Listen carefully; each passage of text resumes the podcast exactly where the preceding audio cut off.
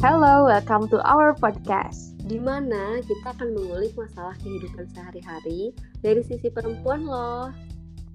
Aku Darin dan temenku. Kita Nah, kali ini kita mau bahas apa nih, Dit?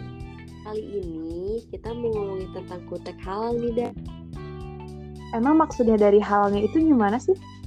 Nah, jadi gini, sebagian perempuan muslim itu menganggap kutek saat sholat adalah tidak sah karena air wudhu tidak bisa menembus ke kutek dan ke jarinya itu.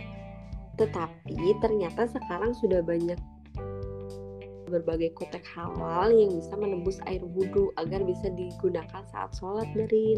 Tapi nih ya, sekarang udah banyak brand kutek yang katanya bisa dipakai buat sholat karena katanya juga bisa menem- menembus si kuteknya.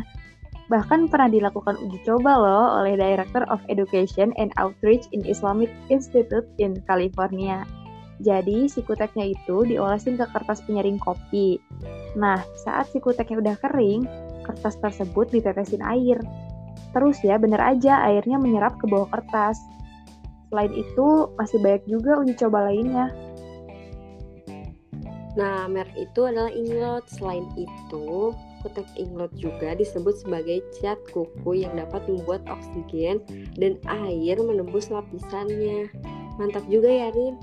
Nah, ini juga katanya yang membedakan dengan cat kuku lainnya yang kedap udara dan air.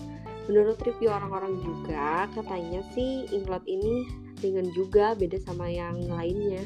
Tapi Dit, aku masih ragu, takut sholatnya nggak sah karena si kukunya kan tertutupi nih.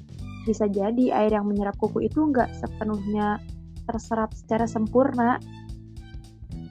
Ya juga sih Dan, banyak orang juga yang kontra terhadap kutek halal ini.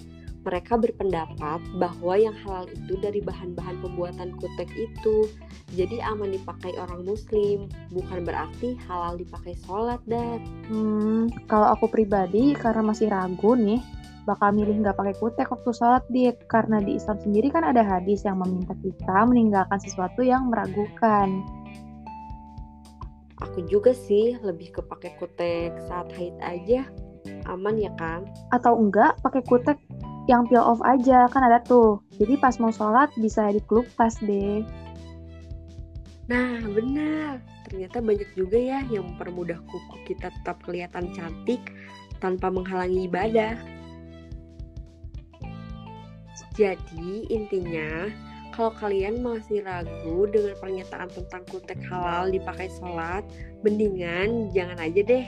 Tetap balik lagi ke kalian masing-masing sih, gimana percayanya aja kalian. Betul sekali. Nah, teman-teman, semoga podcast kali ini bisa bermanfaat ya buat teman-teman. terutama buat pecinta dan pengoleksi kutek nih. Ternyata banyak juga yang ya jenis kutek itu. Kami berdua undur diri. Bye. Bye. Bye. Bye.